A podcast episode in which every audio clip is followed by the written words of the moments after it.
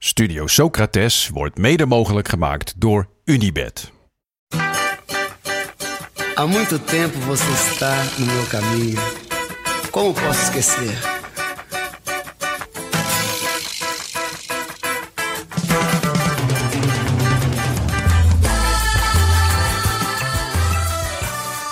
Welkom bij Studio Socrates, een podcast over alles wat voetbal mooi maakt. É você, menina. Ja, de eerste woensdagaflevering staat online en nu gaan we, gaan we de eerste vrijdagaflevering maken. Zin de in ook wel. is, is genomen. Ja. Heel veel zin in onze nieuwe vrijdagafleveringen. De studio Socrates Celassau. Ehm nog heel even kort terugblikken op KK. Heb je veel aan hem gedacht de afgelopen eh, dagen? Ja, en ik ben er toch, het zweeft nog een beetje door mijn hoofd. Ik ben er toch nog niet helemaal uit wat ik van hem vind. Ja, we zijn geen fan, dat is duidelijk. Dat hij een hele goede voetballer was, is ook duidelijk. Toch blijft hij maar een beetje hangt ergens in de lucht nog steeds. Ja, Ook prima. Eh, voordat we beginnen aan de vrijdag-update, of nou, update, vrijdag afle volwaardige het is gewoon een vrijdagaflevering is volwaardige aflevering. ja. Dus daar moeten we ook met een, eh, met een, een beetje actualiteit beginnen, zoals een echte aflevering hoort. ja, Ik heb heel veel zin in het veld van Manchester City. in het veld seizoen. van Manchester City. Niet in het Ehm, voetbal, maar in het veld. Ja, want ik las eh, dat eh, Manchester City een Messi heeft gehaald. En ik zeg een Messi, want hij wordt de Messi of Mowing genoemd. John, John Ledwich was veldmanager van Leicester. eh, en gaat nu de overstap naar City maken. En hij was verantwoordelijk voor de, ja, de, het, het maaien van het gras in het stadion in het kampioensjaar van Leicester. En dat was een opvallend jaar om meerdere redenen bij Leicester, maar dus ook vanwege het veld. Er zit, Ja. ah ja, je moet het even opzoeken. Ik, het stond me namelijk nog wel een beetje bij, maar hoe- dat het echt zo mooi was, was ik vergeten. Mooie soort diagonale lijnen, zonder dat het ver- Was het eigenlijk verwarrend was. elke week Het anders hele logo met dat vosje in de Ja. middencirkel gemaaid. Oh, wauw. Elke week anders. Kampioenswedstrijd, prachtig met een soort ruiten en sterren. Heel subtiel, heel mooi. Hier staat me eerlijk gezegd echt helemaal niks van bij. En je moet even die foto's Ja. opzoeken. Het is echt heerlijk om te zien. Ik weet dat jij volgens mij ook van, eh, van, van mooi ge- ge- gemaaide velden houdt. Van, een- van weet je wel, we hadden een tijdje ook die cirkels. Ja, Eh, het, de Champions League eh, sterren in de middencirkel kan ik Ja. ook nog wel eh, herinneren. maar dat mag nu allemaal niet meer. het mag niet meer. De regelgeving bij, van de FA is veranderd. Dus zoals het toen met Leicester was, gaan we niet meer terugzien. Maar ik hoop wel wat kleine, mooie, Ja. subtiele extra details in, Nou, in, dat, extra, in dat extra veld. reden om naar City te kijken. En ja, er is... Ja, gras is eigenlijk gewoon iets heel... Echt iets siks, hè? wat, wat, toch de geur van gemaaid gras? Bestaat er een, een lekkerder geur? Eh, ja, het staat wel in de top 10 van Toch? heel veel mensen, denk ik. Ja, bij mij een ook regenbui zeker. net na een, na een, eh, Ja. een dro- warme periode. Maar gemaaid gras toch ook Ja. zeker. Eh, en als ik er zo over nadenk, dan, dan is het beroep van grasmeester misschien wel het allerleukste en chillste beroep, beroep op de wereld. hoor. Dat je gewoon... Nou, Ja, lijkt het je niks? nou, Het lijkt me echt geweldig. Kijk, in Engeland is het misschien, daar regent het vrij veel. Maar stel nou dat jij de grasmeester bent bij Real Sociedad of zo. dat je de trainingsvelden doet. Maar is ook weer extra uitdaging. Met die regen ligt het er wel Ja, altijd mooier bij. Anders heb je toch een beetje Ja, die droge dan- bruine... Nou ja, dat is dus jouw taak dan. Als grasmeester. om, om, om die mat Ja, er goed uit te laten zien. Toch, je, je bent een beetje zo... eh, ja, met eerst, eerst denk ik, zie ik het zo voor me dat je met, met, met de wat grotere machines eh, in de weer gaat. en dan ja, misschien wel handmatig nog een beetje bijknippen. Met een schaartje op ja, je knieën. en eh, tegelijkertijd eh, schijnt het zonnetje. Maar denk je dat je de- windje? de spelers van de eerste elftal ook kan high-fiven? Of af en toe een 100%. balletje mee kan, kan overtikken? Ja, zeker. Ik denk dat de goede grasmaat namelijk ontzettend gewaardeerd wordt door voetballers. Dus dat ze ook degene die daar verantwoordelijk voor is, ja, toch af en toe eventjes aanspreken om hem- hem of haar te bedanken voor die heerlijke mat. Ja, echt fijn eh, transfer. Tegen, tussen alle transfergeweld in vond ik dit een, eh, even een, een, een heerlijk baken van, Ja. van rust misschien wel. Nou ja, als, als onze Geen here we go van eh, Fabrizio Romano. Nee, maar als wij ooit stoppen met deze podcast, dan word ik grasmeester. Dat, dat lijkt Ik me kom wel. elke dag kijken Ja. hoe jij op je knieën met een nagelschaartje die- de cornervlag aan het bijwerken bent. Ja, lekker. Ehm, de vrijdagaflevering. eh, we hebben al een beetje verklapt dat Mike Snoei een rol gaat spelen. Dus toen, ja, de, de coach van de Telstar. coach van Telstar. Eh, dus dan vind ik het toch wel onze taak om Telstar te gaan volgen. dat is wel het minimale wat we kunnen doen. Ja, en eh, dat, dat ben ik, daar ben ik maar meteen mee begonnen. Want de KKD, KKD is van start. Telstar heeft gevoetbald tegen Jong PSV. Uit bij Jong PSV. Die hebben verloren. Dat is, eh, dat is erg jammer. Maar Beetje onterecht. ja, een beetje onterecht, zeker. Veel kansen voor Telstar. Ook wel voor Jong PSV. Maar ik, ik vond dat ze meer verdiend hadden. Ehm, Scheidsrechter zat ook niet mee, hè? nee, maar ik heb wel genoten van Telstar. Nou, niet per se van dat voetbal, was ook leuk. Maar ze hebben mooie shirts. Ja. Ehm, zowel uit Nieuwe thuis. sponsor. Nieuwe sponsor. En ze hebben de mooiste voetbalnamen van Nederland, durf ik wel te zeggen. Als elftal is het echt waanzinnig. Ja, het is echt geweldig. En ik dacht eerst, ik, ik licht er even twee of drie uit. Nee. Nee, allemaal. Dus hier komen ze. Op goal, Ronald Koeman junior. Ik vind dat altijd, altijd bijzonder als je dat durft. Als, als, als vader of moeder. Dat je je kind gewoon naar jezelf vernoemt. Maar dan met junior erachter. Ehm, maar ja, het heeft goed, goed uitgepakt, vind ik. Maar de- misschien ook nog even hoe je naar de- deze lijst namen moet kijken, is, is als een soort blauwdruk voetbal Ja, elftal. namen, namen. blauwdruk. Ja.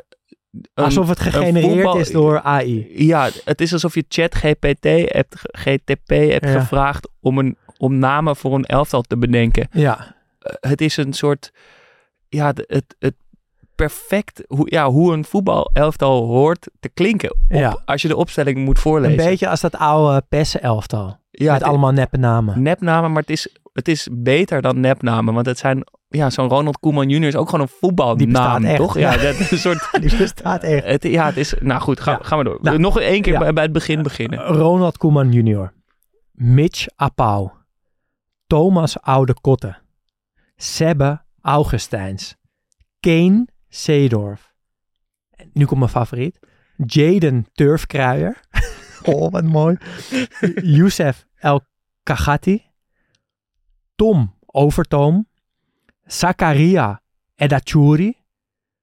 Jorginho Soares. En Lassana Fai.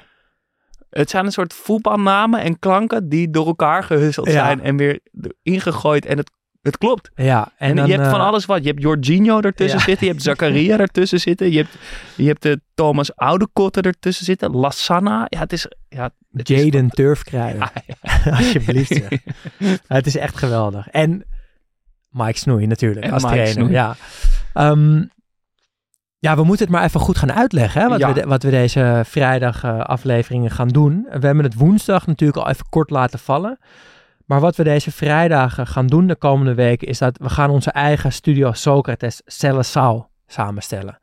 En dat gaat niet over de beste spelers van de wereld. Het gaat over de spelers die wij in ons hart hebben gesloten. ja, de, de Socrates-spelers. En volgens mij, nou zeker voor de mensen die al wat meer afleveringen hebben geluisterd van ons, is dat al wel, springt er meteen Ja, een soort bepaald is een type. gevoel. Het is een gevoel. Ja, Het is, het is niet de cliché cult, maar het is ook zeker niet de wereldtop. nee. Het zit ergens daartussenin op een soort onderbuikgevoel. Ja, dat is hem. Ja, ja, Dat is hem. ja. En dat gaan, we, dat gaan we per positie doen.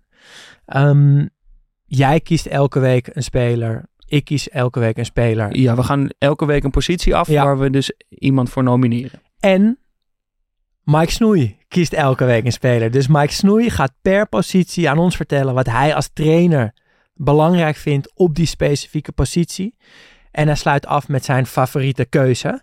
Ehm, nou, dat is natuurlijk heel leuk, want Mike Snoei heeft een hele originele mening, kunnen we alvast verklappen. En het geeft gewoon lekker wat gewicht aan onze podcast. Je hebt echt geen idee waar die elke week mee gaat komen. En Nee. dat is fantastisch.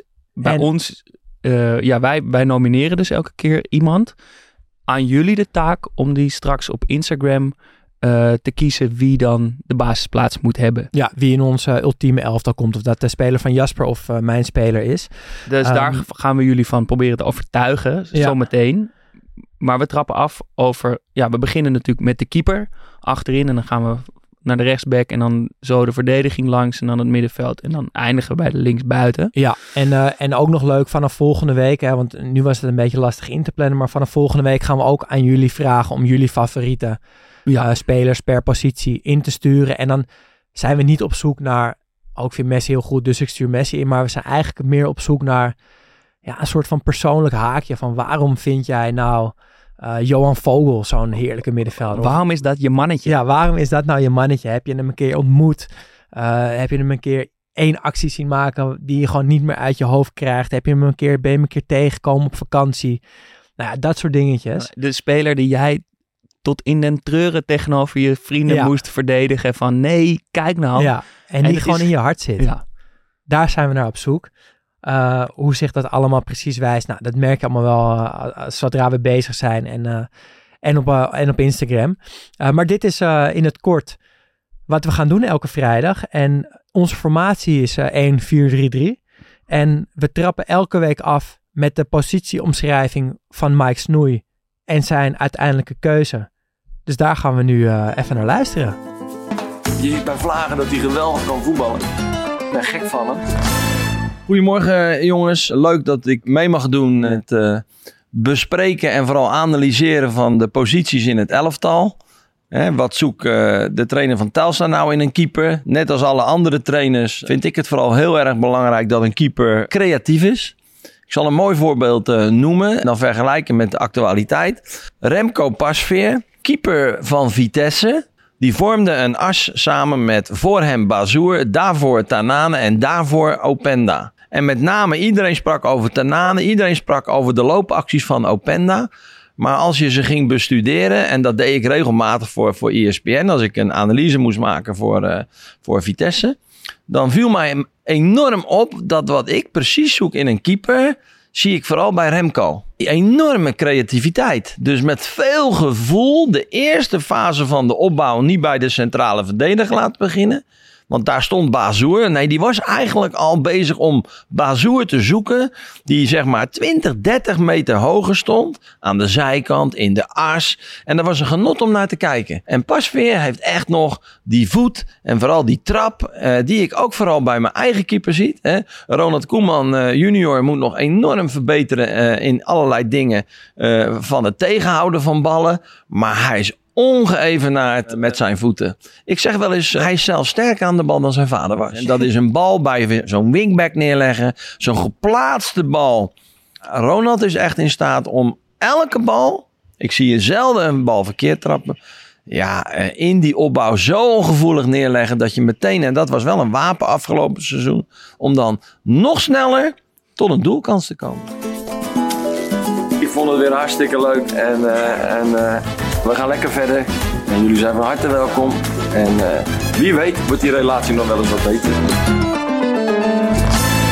Nou, ik vind het een ongelooflijk lekkere binnenkomer. Want ik hoor hier Pasveer en ik hoor Ronald Koeman junior. Ik moet trouwens zeggen, ik heb dus Telstar gekeken. Eh, zijn trap is fenomenaal, maar ik vond hem ook heel goed keeper. Ehm, maar dat, eh, dat hij met deze twee namen op de proppen zou komen, Hadden wij van tevoren niet kunnen nee. bedenken. En ik had ook niet kunnen bedenken, want ik zie dat zelf namelijk anders, daar gaan we het eh, ongetwijfeld zo over hebben.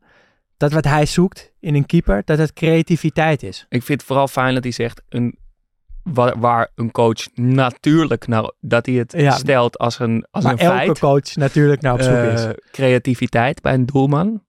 Dat, dat vind ik al leuk.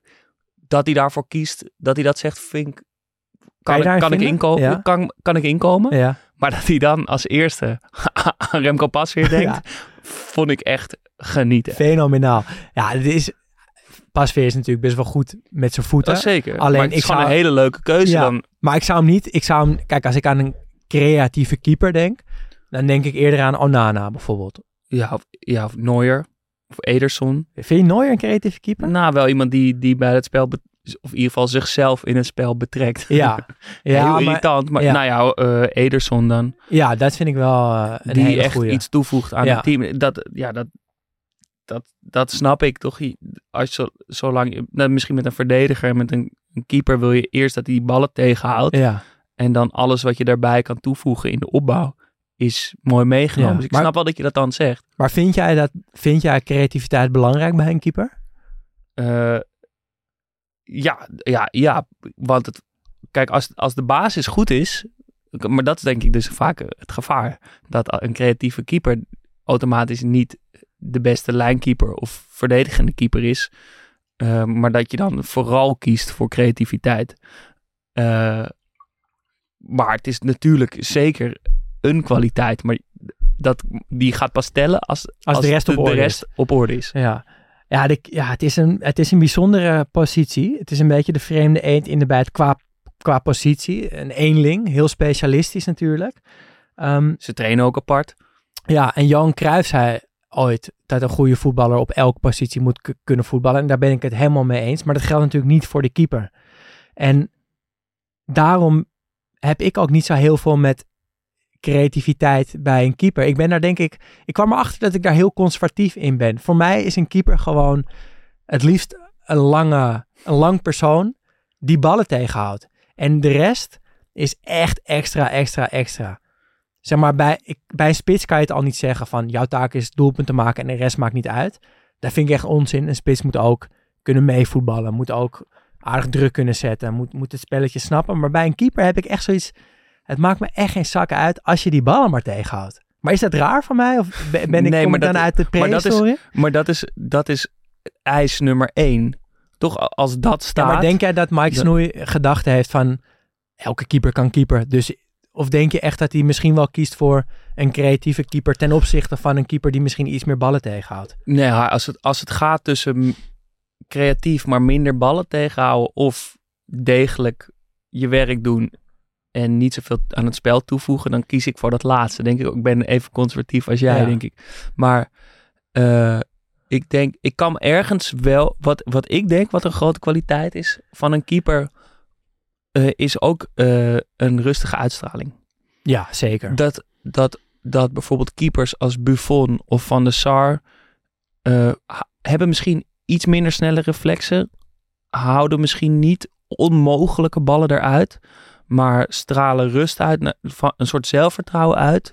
een- Een degelijkheid. Dat de verdediging weet, ik kan erop bouwen. En als ze op één op één met een spits komen, dat die spits ook denkt, oh die keeper, Dat je in de lijkt niet- van de spits zit ja, die, ja. die keeper lijkt niet in de war. Ik moet opeens iets gaan doen. ja. ja, extreem belangrijke kwaliteit. Ja, en ik denk, ik, voor mij zou dat, eh, De, de, als ik een coach was, ja. dat is niet mijn eis voor mijn Socrates keeper, Nee. maar als coach Ja, van ja, opstelling ja. zou ik zeggen, een rustige Ja. keeper. Ja. Nou, ik hou gewoon van grote, lange keepers. ja, bijvoorbeeld Fraser Foster. Die bij Celtic altijd zat en nu volgens mij tweede keeper is bij eh, Tottenham. Ja. Is gewoon een beer van een vent. Heeft volgens mij één keer echt, echt geweldig gekiept tegen Barcelona. Kan er nu naast zitten, maar volgens mij was hij dat. Eh, Jan Oblak van eh, Atletico natuurlijk. Lars Oenerstal. Kjell Scherpen. Ja, nee, die kan dus echt niet keepen. Maar de, en die is misschien net wat te lang. Dat bestaat Ja, blijkbaar ja, ook. ja, ja, dat snap ik op een of andere manier. wel. Ja, maar gewoon, eh, weet je, ik hou dus bijvoorbeeld echt niet van de Casillas'en of van de Bartessen van deze wereld. Die zijn gewoon te, te klein voor mij. Ehm, dus dat, dat is, als ik aan een keeper denk, wi- wil ik dat zien. Vind, je vind jij keepers een, een mooie positie? Ehm, ja, ik denk het wel. Ik, ik, ben er, ik denk nooit zoveel over keepers na, maar dat heb ik nu wel gedaan. En ik vind het een, eh, wat ik er zo mooi aan vind, is dat je hebt als keeper eigenlijk 80 minuten van de 90 niet zo heel veel te doen. Tuurlijk ben je coachend bezig en zo, maar als de bal op de andere, andere helft is, dan is dat ook wel wat minder. En dan heb je dus heel veel tijd om in je eigen kopje te gaan zitten. En volgens mij, als je als keeper die gedachte hebt en, en daar misschien een paar keer in vervalt, dat je zo gaat denken van, oh, ja, straks komen ze natuurlijk wel Ja. weer hier naartoe. Ja, dan ben je verloren. En dat, dat soort van mentale aspect van, van het keeperschap vind ik eigenlijk wel heel mooi. Maar dat is denk ik toch ook het belangrijkste van het keepersvak. Dat, dat, één, die, fout, dat die foutmarge zo klein is. Ja, je kan- dat, ja. je, je kan jezelf heel moeilijk bewijzen. Maar die, die paar momentjes dat je er moet staan, die flitsen van secondes, dan Dan moet het gebeuren. moet het gebeuren. Ja, en En- je bent echt in je eentje. Want als aanvaller kan je verschuilen achter je andere aanvallers. Ja. Middenvelders, verdedigers hebben hetzelfde. Maar keeper kan dat niet. Nee. Gewoon onmogelijk. tenzij je een strafschoppenserie tegenkrijgt, dan, dan Ja. is het moment om te shinen. Ja. Eh, ik, is het een achterhaald idee dat een keeper ook altijd een vreemde gozer is? Jij hebt in veel elftallen gespeeld. Is het, Ja. een, is het ook Ik een denk bepaalde persoonlijkheid? Ik denk eigenlijk dat het gewoon dat dat een mythe is die heel leuk is om te blijven herhalen van haha, die gekke keepers. Maar dat het eigenlijk helemaal niet zo is. Want Edwin van der Sar was een keeper. Nou, degelijker vind je ze volgens mij niet. Maar Bartes was ook een keeper. En dat zit weer helemaal aan de andere kant van het spectrum. En volgens Mhm. mij heb je, zit, heb je alles ertussenin Ja, maar- zit er ook nog. Maar als je dus de elf spelers van een elftal in hetzelfde shirt op een rij zet, Ja. Dan zou jij dan de keeper ertussenuit kunnen pikken? Nou ja, ik heb dus een beetje in mijn- oude elftal een beetje nagedacht. En ik denk het eigenlijk niet. Ik denk dat ik eerder eh, de, de flegmatieke buitenspeler of nummer 10 eruit zou halen. Of misschien ook nog wel eerder een, een centrale verdediger. Maar ik heb juist eigenlijk het gevoel dat, dat- ja, dat iedereen een keeper kan zijn. Dus dat het een beetje... Ik ben het gewoon niet eens met die gedachte dat keepers heel gek en heel raar zijn. Volgens mij is dat helemaal niet zo. Kan jij goed keepen? Eh, nee. Nee. Ik kan één hoek induiken. Dat heeft toch elke... iedereen die niet kan keepen, heeft, heeft één hoek waar hij wel in kan duiken. Eh, nee. Maar ik denk wel dat je... Dat, dat is misschien een ander mooi aspect wel van het keeperschap. Is het lezen van, van een spits waar iemand gaat schieten. Ehm, en dat... Ik denk dat goede keepers daar ook heel goed in zijn. Dat ze niet blind de verkeerde hoek induiken. Wat je, Anticiperen. ja, wat je soms... Nou, dus eigenlijk... Ageren, hoe zeg je dat? Ja, dat je gewoon een stapje voor bent eigenlijk. Ja, anticiperen. Ja. Dus dat is denk ik ook nog wel een hele belangrijke kwaliteit van een keeper. Ehm, heb jij een, eh, een favoriete redding ooit? Ja. Volgens mij hebben we dezelfde. Ja, dan heb jij Lobond. Lobon tegen Ja. Milan. Met dat verrichting veranderde schot. En dan... Ja, de, de, de- er komt een schot uit de tweede lijn. Ja, Ambrosini. Ja, en die wordt... Die gaat eigenlijk naar linksonder. Ja, Maar die wordt onderweg van richting veranderd. En die krijgt een boog naar de rechterkruising Ja. toe. Dus echt de andere kant van het doelpunt. En Lobond moet in die fractie van een seconde... Die, hij, hij is al onderweg. hij is al hoek. onderweg naar, dus naar, Ja, naar de linker onderhoek. en er is één heel mooi moment, vind ik, dat hij echt even stilstaat. Ja. Dus dat hij... Oké, hij moet corrigeren. Hij staat eventjes stil. Maar daardoor lijkt dat, ha- lijkt dat het moment opeens ook heel lang te Ja. duren. Omdat hij dus daar een soort, je de, de aanpassing bij hem zo mooi ziet. Ja. En dan, wat ik verder nog zo mooi vind aan die redding, is dat... eh, kijk, als hij... Na die, nadat hij zichzelf corrigeert en de goede hoek ingaat, als hij dan meteen springt, Nee. dan haalt hij het nooit. Nee, Dus hij moet echt nog eventjes ja, echt hij moet aan de andere kant van het doel lopen. Ja, twee, drie passen. En op een gegeven moment voelt hij aan, oké, nu moet ik gaan duiken, want anders ga ik het niet meer redden. En dan in een soort van ultieme Ja, het is krachtinspanning ranselt hij die bal uit de goal. En maar hij, echt uit de kruising. ja, en hij valt zelfs dat vind ik het mooiste. in het net. Hoe die in het net bolt. Ja, en ja, de term katachtig wordt natuurlijk de hele, de hele tijd gebezigd. Ja, maar dat is eh, de, de, omdat het niet zo'n pure reflex lijkt. Omdat er een gedachte door zijn Ja. hoofd lijkt te gaan. Zou ik niet zeggen dat het katachtig nee, was. dat is misschien wel waar, ja. Het is, het is een wat rationelere, Hij heeft bewustere na kunnen denken. Ja, er, je, ziet er, je ziet de situatie in zijn, in zijn hersenen worden verwerkt. Ja, En dan moet hij Ja, nog dat maakt het inderdaad dus zo die ja. enorme afstand afleggen. En dan haalt hij het. En echt nog, ja, die bal is al een gedeelte over de lijn. Want die, zijn arm gaat al een beetje zo naar achteren. En dan ja, helemaal gestrekt in de hoek. Geweldig. De enige redding die daar een beetje aan kan tippen is die redding van Greg- Gregory Coupet. Oh ja. Dat hij, eh, volgens mij krijgt hij een eh, een hoge, ja, ja, Rival, een hoge terugspoelbal die hij niet in zijn handen kan pakken. Dus dan kopt hij hem. ja. En dan, En dan valt op de lat. Ja. En dan komt hij terug. en dan pakt die Rivaldo ook nog in de rebound pakt Ja. hij die bal. In Camp Nou. Ja. Nou, eh, staat allemaal in de beschrijving van de podcast al deze, al deze linkjes. Dus dat kan je rustig terugkijken. Verder moest ik de- bij keepers denken, heel gek. Maar ook weer niet aan Suarez en Huntelaar. Ja. Dat filmpje van Ajax TV. Dat zij, Een heel eh, oud filmpje dat ze gaan doelen. Ja, en dat ze allebei gewel- geweldig kunnen keepen opeens.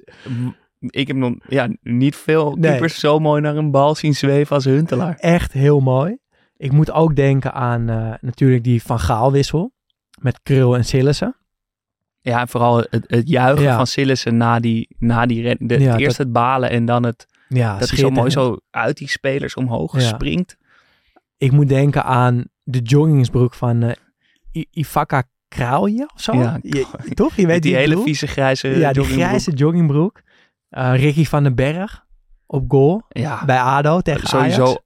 alle veldspelers die Ja. ooit in zo'n Ja. te groot shirt op doel moeten. Is dat Ricky van den Berg, de eerste die... Nee, ik weet niet of Ik, het de eerste Walker is. is, de eerste aan wie ik moet maar... Oké, denken. Ja. Eh, Al bij Tottenham was dat ja, nog. eh, ik moet denken aan Emiliano Martinez natuurlijk, afgelopen WK met al zijn eigenaardigheden. Jerzy Dudek met zijn dansjes op de WK-finale en het Champions twee League finale. ja, Champions League finale en al twee meter voor zijn lijn staan. Eh, ik moet denken aan Ed de Goeie op een glijbaan. Tuurlijk, ja. Eh, van de Sar, Schwalbe na de kopstoot van eh, Ortega Ja. tegen Argentinië. Sowieso alle keepers met een petje op tegen de zon. Ja. Het hoog houden na de mislukte Panenka uit die wedstrijd van Santos tegen Flamengo. Hebben waar die keeper Felipe gemaakt. die, die bal op zijn borst kan aannemen en hem een paar keer hoog houdt.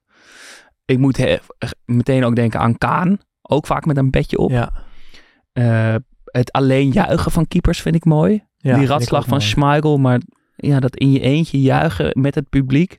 Is eigenlijk mooier dan, dan dat een keeper die 100 meter oversteekt en meedeelt in de feestvreugde. Ik moet denken aan Ronald Koeman. Oh de, ja. de, de aankondiging van Ja. Waterreus bij zijn afscheid. Het kolletje en de x-benen van Soeterbier. Dat Buffon volgens mij nu pas met pensioen gaat. Of, Ja. of niet. Je weet het 45 nooit. jaar. De kus op het hoofd van Bartes van Ja. Petit.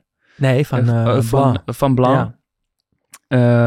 De doelpunten natuurlijk van Robinson, Begovic. Die gekke omhaal van Hansen Ja. van ADO.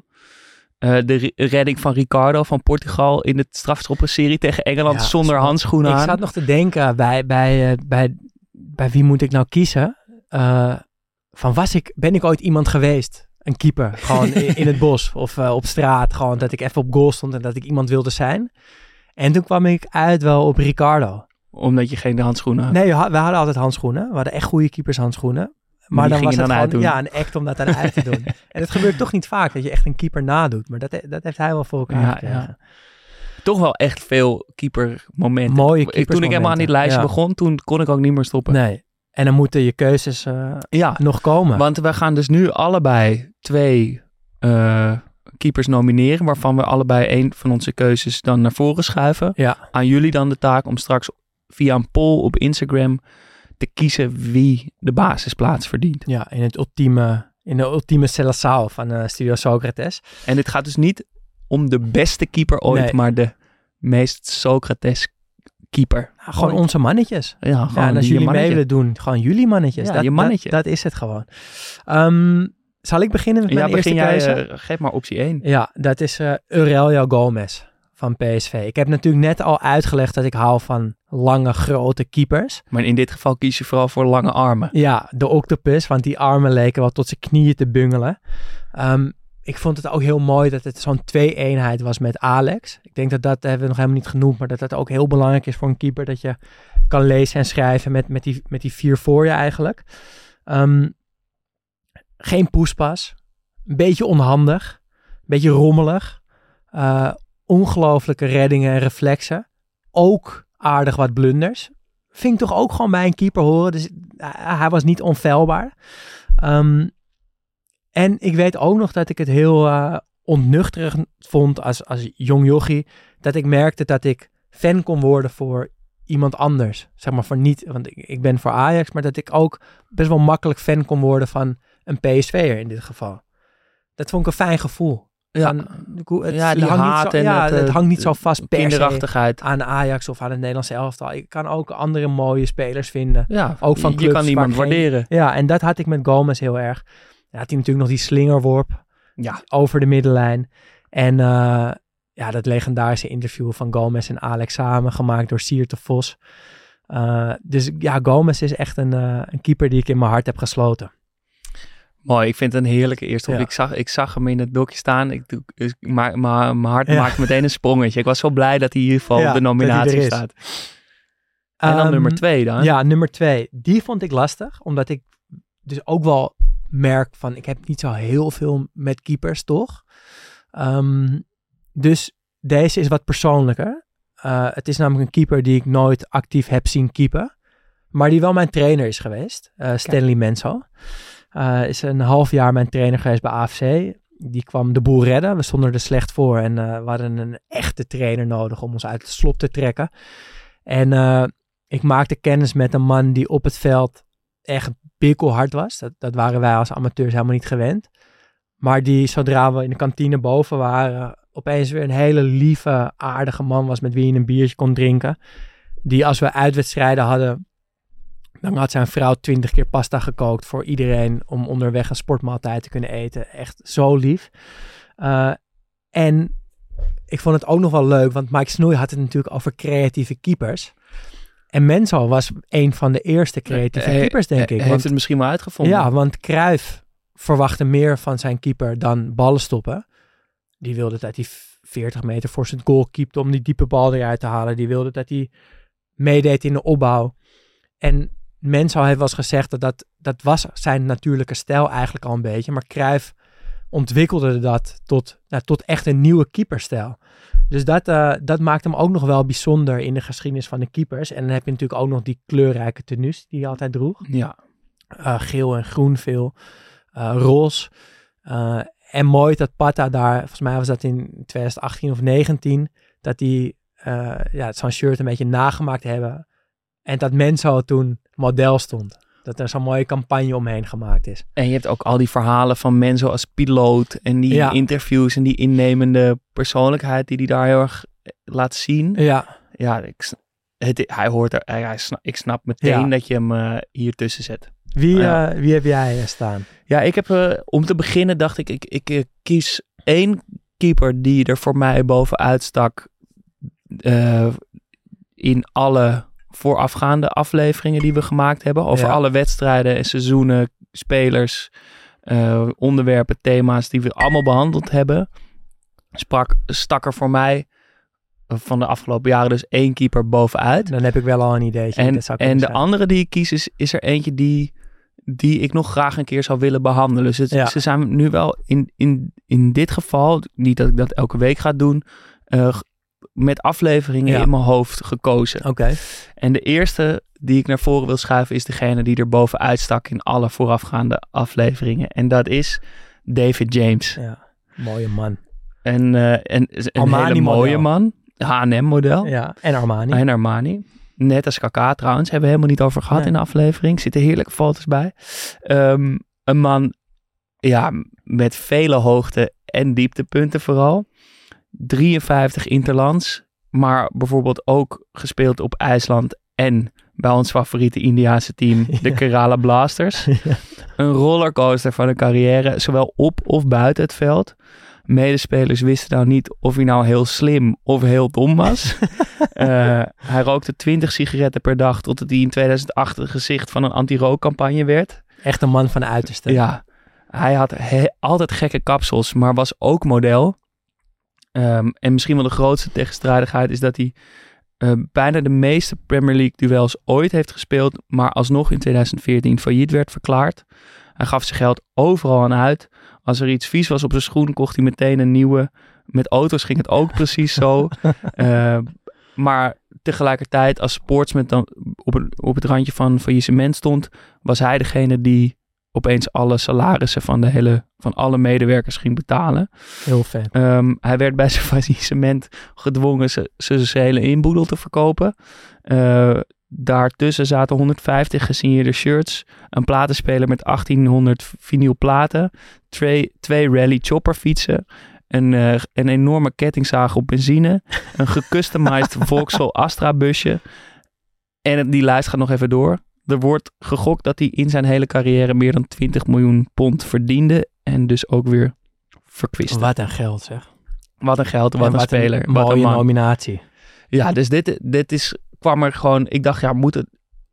ja, we hebben natuurlijk zoveel spelers eh, benoemd.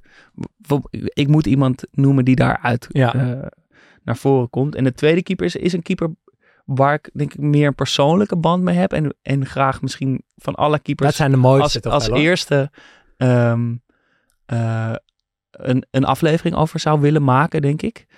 Ehm, degene die ik ook naar voren ga schuiven uiteindelijk, David James, heb ik persoonlijk gewoon minder mee. Maar nummer twee is een keeper die, vind ik, te weinig wordt genoemd. Toch een beetje in vergetelheid is geraakt, terwijl hij tijdens zijn carrière absolute eh, wereldtop was. Eh, een man die nu rallycoureur is. We kennen hem van zijn peroxide blonde haren. Santiago Ja. Canizares. Geweldig. Ehm, een speler waarvan ik dacht dat hij een bijnaam had, maar die ik zelf verzonnen schijn te hebben. Namelijk? De Havik. toch, het is toch gewoon een Ja, Havik? het lijkt heel erg Ja, de havik, ja. karper, maar Ja. dit is gewoon een havik. Ehm, ja, ook zo iemand met rare fratsen, maar ook met, met wereldtop. Eh, raakte ooit geblesseerd tijdens het scheren, bijvoorbeeld. Kon miste toen, toch het WK zo? Ja. ja. eh, keepte wel precies 500 wedstrijden in La Liga. Meer dan 300 voor Valencia. Keepte twee Champions League finales, twee jaar achter elkaar. Verloor ze allebei, maar won wel de UEFA Cup.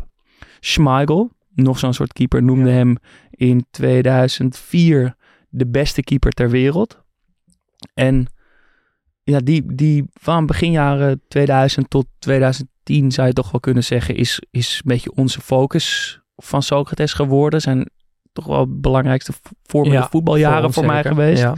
Ehm, en voor mij staat hij in die periode wel, was hij absolute top. En nu Ja. hebben we het er niet meer zoveel over. En dat vind ik zonde. Ik zie nog die penaltyreeks tegen Bayern voor me, waarin Kaan met die golvende haren die laatste winnende penalty wegbokst. Ja. En daarna de ontroostbare Canizares probeert te troosten. Ehm, en ja, ik weet- Ontroostbaar. Ja, hem niet. en Canizares, die naam, die periode, dat Valencia, die finales, die gekke verhalen die er omga- eh, omheen hangen.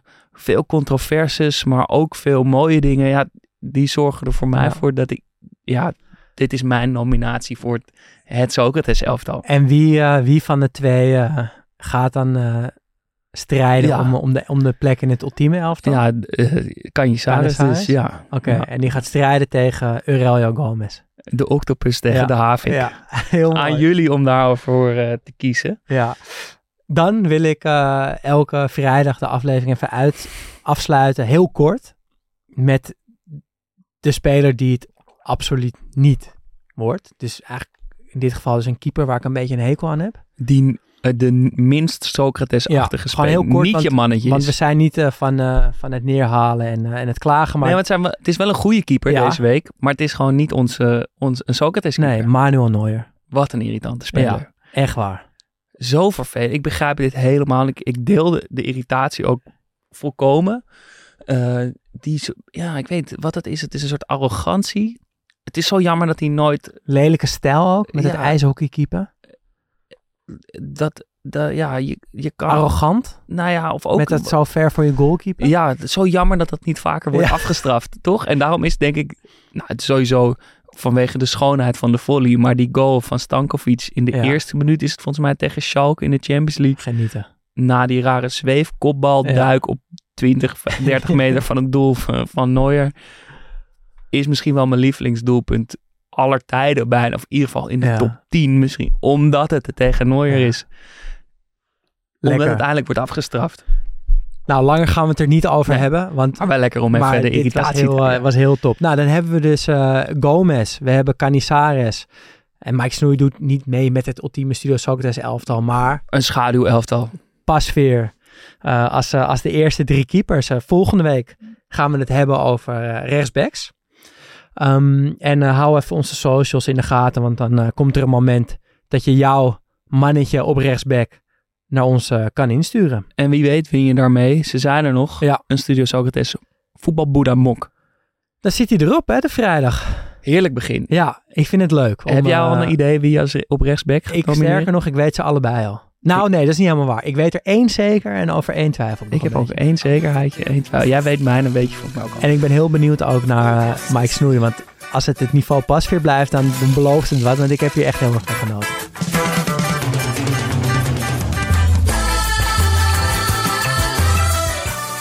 Studio Socrates wordt mede mogelijk gemaakt door FC Afkikken. We zijn te vinden op Twitter en op Instagram studio-socrates. En op vriendvandeshow.nl slash Studio Socrates kun je ons steunen voor 200, 250 euro per ik maand. wilde Dat is 250. wel heel veel. Eh, ik las het kommaatje niet. Nee, dat kan al vanaf 2,50 euro per maand. Dat is je eh, kan ook een eenmalig bedrag ja. eh, doneren. 250 mag ook. wat je wil. En je wint daar, maakt daar elke week kans op een product uit onze geen shop. Ja, en we zijn er gewoon echt heel erg blij mee. Dus word vriend van de show. En als je nou heel veel kwijt wil aan ons, dan is mailen het makkelijkst. Studio